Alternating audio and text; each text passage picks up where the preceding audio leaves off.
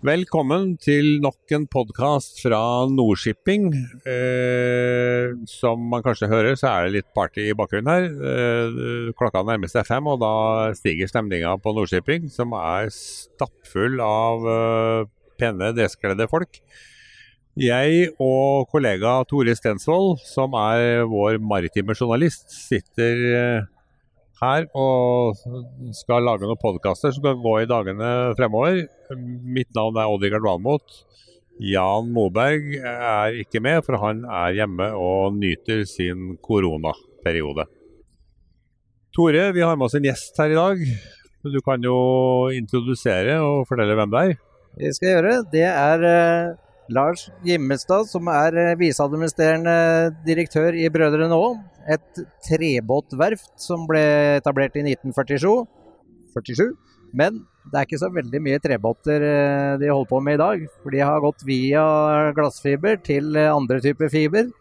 Kan du fortelle oss, eh, Lars, hva dere gjør, og hvordan dere har tatt denne reisen fra ganske store og tunge katamaraner til lette og kjappe, men ikke så utslippstunge? Det kan, jeg, det kan jeg godt. Først av alt så må jeg si jeg er glad for å bli invitert. Det er jo hyggelig å få sitte her og snakke med, med bransjebladet eh, over alle, så eh, det setter jeg pris på. Eh, det er rett eh, at Brødrene har hatt ei lang reise. Det er jo, som du sier, 1947 var jo stiftelsesåret. og det betyr jo at det er 75 år gammelt i år, faktisk. Så det er jo et, en form for jubileumsår i år da, for Brødrene òg. Og da bygde dere av tre, altså? Ja, i starten var det jo Det var jo to brødre, som det ligger i navnet. Som, jeg vil jo si at det var eh, fibre òg, da. Cellulosefibre. Ja, ja, det er rett. blitt med deres lest. det er sant. Nei, de eh, starta opp i 1947, ei lita bygd i Hyen innerst i en fjord. Og, og, eh, og, begynte da med litt sånn lystbåter, og hadde en onkel som hjalp dem med å selge det. Eh, så er det rett. det 70-tallet, da eh, tok en i bruk kompositt. Var, veldig, var en pioner innenfor komposittmateriale. Eh, den første DNV-klassa glassfiberbåten i 1979. En båt som faktisk er i trafikk fortsatt. Og så, eh, når vi flytta oss inn på 2000-tallet, så var den gikk over til andre fiber. da kom eh, karbonfiber inn. og Eh, og det har jo prega på en måte verftet siden det ble introdusert, eh, og også gjort at en nå i dag eh, har fått en ganske god posisjon i, i hurtigbåtmarkedet. Det å ta i bruk karbonfiber for 20 år siden, det var jo først og fremst drevet av en idé om at det forretningsmessig var forsvarlig å investere i en litt dyrere båt, altså pga. byggematerialet, men at du skulle få det igjen gjennom drivstoffreduksjoner. da, altså ja. At du får mer energieffektive båter pga. vekta. At vekta blir dratt ned. I, i de 20 åra som har gått, har prisen på karbonfiber og byggemetoder og sånn endra seg mye? Har det blitt billigere? Jeg, det er faktisk ikke i stand til å svare på i hva grad karbonfiber har hatt, hva prisutvikling det har hatt, men, men, at det er et dyrere materiale ja, ja, enn sammenlignbare, det, det, er det. Og det er det jo fortsatt. Eh, men det er klart at gjennom de 20 årene som har gått, så har det jo skjedd òg ei utvikling i i byggeteknikk og i konstruksjonsteknikken som en bruker, der en stadig har optimalisert eh, materialbruken på fartøyene. Ja. For det handler jo hele tida om å bruke minst mulig material, men bevare styrke og med det også sikkerheten eh, i forhold til, til, til, eh, til fartøyet. da. Så det, det, har skjedd en konstant utvikling i, i, eh, i produktet, kan du si. Med, og at en bruker mindre og mindre materiale innenfor forsvarlige rammer. Ja, for Hemmeligheten med karbonfiber kontra glassfiber, det er vel at man bygger tynnere, er det ikke? Ja, egentlig, at materialet som sådan er lettere? Ja, det, det, er et sterkere materiale. Ja. Og det gjør at du, du kan bruke mindre. Og, ja. det, og, da blir det lettere båt, naturligvis. Det er helt utrolig når du ser de svære konstruksjonene og begynner å måle tykkelsen på det. tenker du, ja, Er det mulig? Kan dette holde? Og så skal de bære svære, tunge motorer og, Ja. og inventar. Så det er ganske imponerende. Ja. Men Fins det noe forskningsmiljø i Norge som er med og bidrar til å utvikle teknologien, eller sitter dere nesten helt alene på, i Nordfjord og jobber med dette? Nei, det er jo mange innenfor, uh, innenfor kompositt, da. Innen komposittbransjen i, i, i landet. Så det, vi er på ingen måte alene om, om det. Eh, og vi samarbeider jo også med eksterne miljø for å dra dette her videre. Eh, så vi blant annet, kan jo nevne, vi har jo tett samarbeid med Fireco blant annet, som er et eh, kompetansemiljø i Fredrikstad som er inne og driver, gjør styrkeberegning for oss og global analyse av, eh, av de ulike konstruksjonene da, som vi eh, produserer. Men du, poenget er vel ikke bare å bruke mindre diesel, poenget er vel å gå over til nye øh, drivstoff også? Ja. Og det, og det er jo det som på en måte var eh, en, en hyggelig bieffekt av at en gjorde det sprang i 2002. For da var det drevet av å få ned drivstoffkostnadene, Ja. kan du si, økonomisk motivert.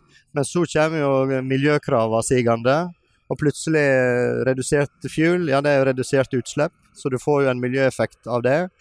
Men så er en samtidig med lette skrog også posisjonert for å begynne å ta i bruk nye energibæringsløsninger, da, eh, type batteri. Og, og, eh, og, og så, sto, så, så den har på en måte enda opp midt i smørøyet i forhold til å være posisjonert for det grønne skiftet som nå, nå eh, går. da. Og det, det meldte seg jo for fullt i, for seks år siden, så i 2016, når en da bygde den første eh, dieselelektriske eh, båten, altså Vision of the Fjords, som er disse her eh, sightseeingbåtene som minner litt om operabygget i, i eh, Oslo, som Ja. har disse her rampene. Og det er mange som har sett, og mange som, som blir fascinert av. Og den, den første versjonen av det, det fartøyet var jo en diesel-elektrisk. Så da, da begynte introduksjonen av nullutslippsteknologi å komme. da. Den øh, har jeg aldri sett, men jeg har lest om den i Teknisk Ukeblad.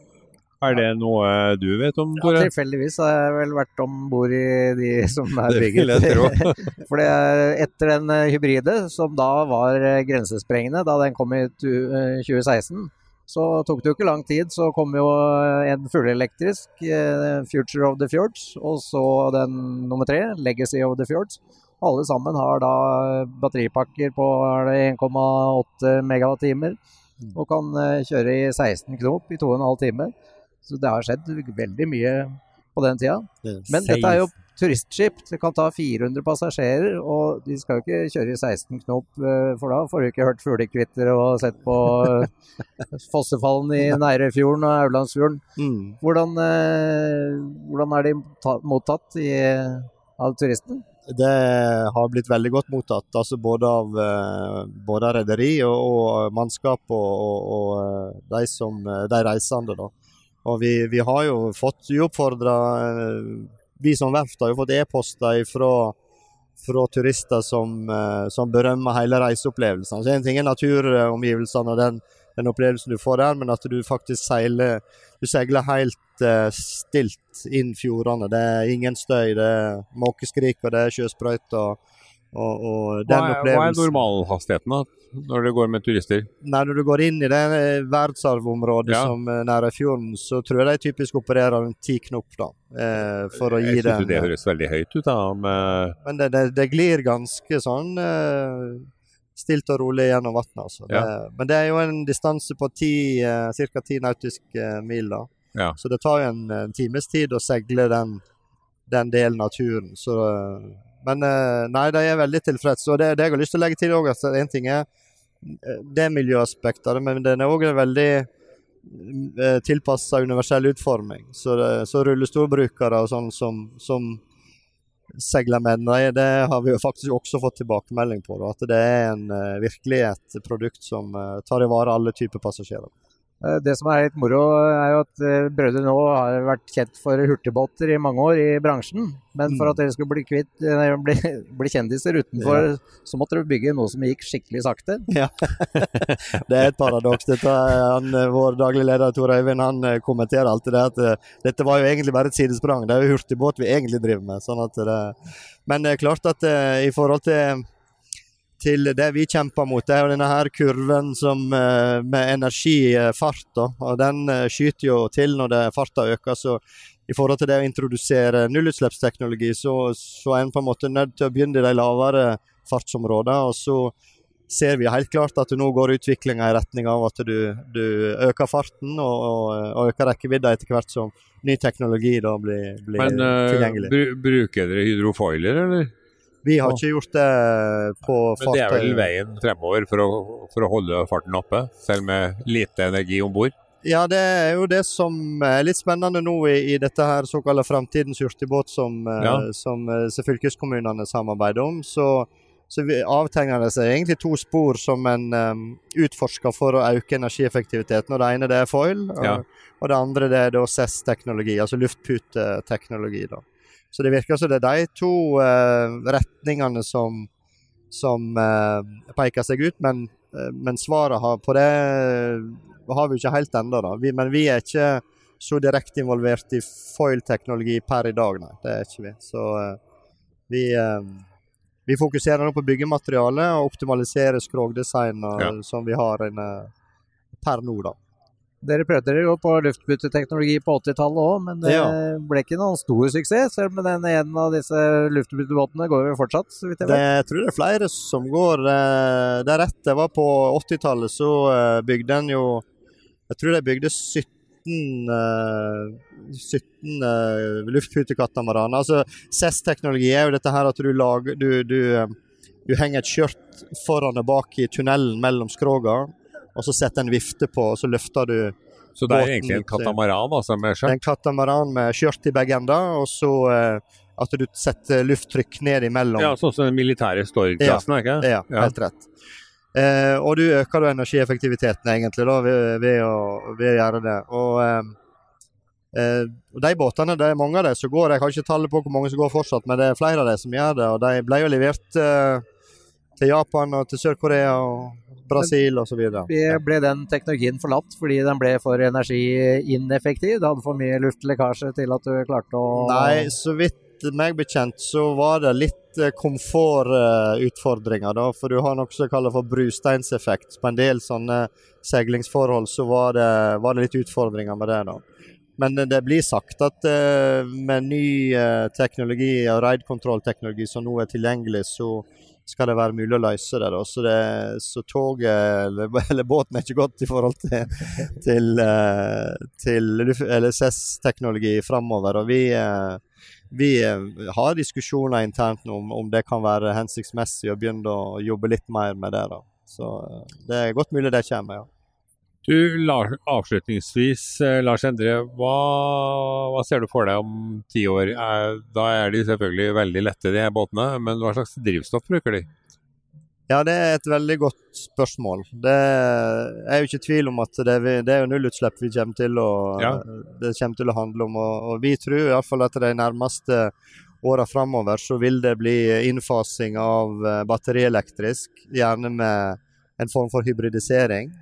Jeg tror det er hensiktsmessig at en, en nå får skalert opp eh, den type løsninger framover. Hybridisering med hydrogen eller ammoniakk, da? Nei, da er at en må tillate litt fossilt eh, nå i de nærmeste åra framover. Okay. Og det har de jo i disse nye anbudene som nå kommer, så Ja. åpner fylkeskommunene opp for at det, Ja. det kan være en viss form for hybridisering. Men så er det rett, så vil jo dette med nye drivstoff melde seg.